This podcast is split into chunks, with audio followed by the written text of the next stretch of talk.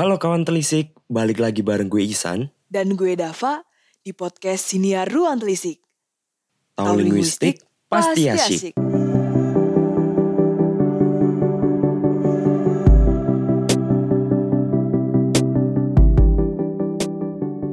Halo kawan telisik semua, apa kabar? Semoga dalam keadaan sehat dan bahagia selalu ya. Hmm, masih di suasana Ramadan nih San. Gue ada pertanyaan nih buat lo. Hah, apaan tuh Dav pertanyaannya? Ada satu tradisi yang sangat familiar di telinga masyarakat Indonesia. Apa coba? Hmm, pasti bukber ya, iya kan? Salah. Tradisi ini tuh dilakuin untuk menunggu waktunya berbuka puasa. Biasanya tuh ya, orang-orang mengisinya dengan kegiatan yang bermanfaat. Coba tebak lagi. Ngabuburit pasti, ya kan Dav? Gak mungkin salah lagi kalau ini. Nah, mantap. Betul sekali. Kira-kira kamu tahu gak arti dari istilah ngabuburit itu?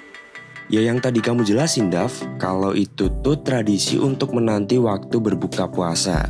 Waduh, salah. Oke baik, gue kasih tahu. Dan kebetulan banget nih, di episode kali ini gue bakal ngasih tahu lo dan kawan telisik semua tentang tahu nggak sih arti istilah dari ngabuburit? Let's start it. Puasa kurang lebih tinggal 11 hari lagi nih San. Tapi masih banyak yang belum paham tentang arti kata ngabuburit. Betul sekali, termasuk gue nih Dav. Gue cuma ngikut-ngikut aja kalau ngomongin soal ngabuburit kayak gitu. Dan juga cuma tahu artinya tuh secara umum doang. Set banget gak sih Dav? Sering ngomong tapi nggak tahu arti sesungguhnya. Aduh, jangan sedih dong. Nih gue kasih tahu artinya. Coba sini kasih tahu aku Dav. Jadi, kata ngabuburit itu istilah dari bahasa Sunda, San. Dan kata dasar, burit. Wait, gue tahu. Burit artinya sore kan? Yap, itu tahu.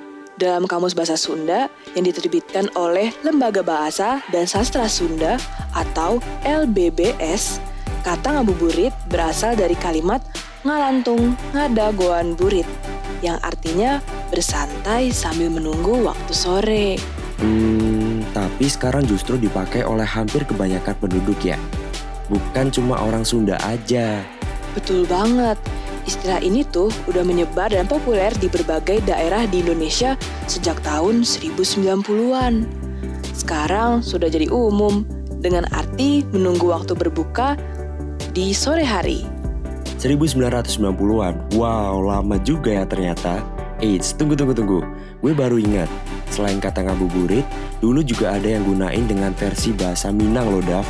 Dengan kata malengah puaso, yang artinya kegiatan untuk mengalihkan rasa haus dan lapar karena berpuasa. Oh ya? Wih, keren ya Indonesia.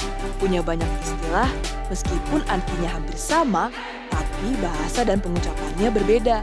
Sungguh indahnya keberagaman kita. Betul sekali Dav, bangga banget gue. Makanya kita harus saling berbagi informasi yang jarang orang-orang ketahui. Kayak arti dan istilah ngabuburit ini. Gimana nih? Lo udah paham kan arti istilah ngabuburit itu? Sudah dong pastinya, gue jadi tahu arti sesungguhnya. Bisa P atau D atau jawab nih kalau ada yang tanya. Mantap. Kalau kawan telisik semua gimana? Sudah tahu kan arti istilah ngabuburit yang sebenarnya? Semoga bermanfaat ya untuk podcast kali ini. Sebelum pamit, gue mau ngasih tahu sesuatu nih Dav. Apa tuh San? Buat kawan telisik yang punya karya sastra seperti cerpen, puisi, atau opini, boleh banget kirim karya lo ke email ruang telisik di ruangtelisik@gmail.com. Untuk karya yang kita pilih, nantinya bakalan kita siarin di podcast Siniar Ruang Telisik. Keren banget gak tuh? Karya lo bisa dipublish di podcast ini. Makanya, buat kawan telisik ditunggu ya untuk karya-karya hebatnya.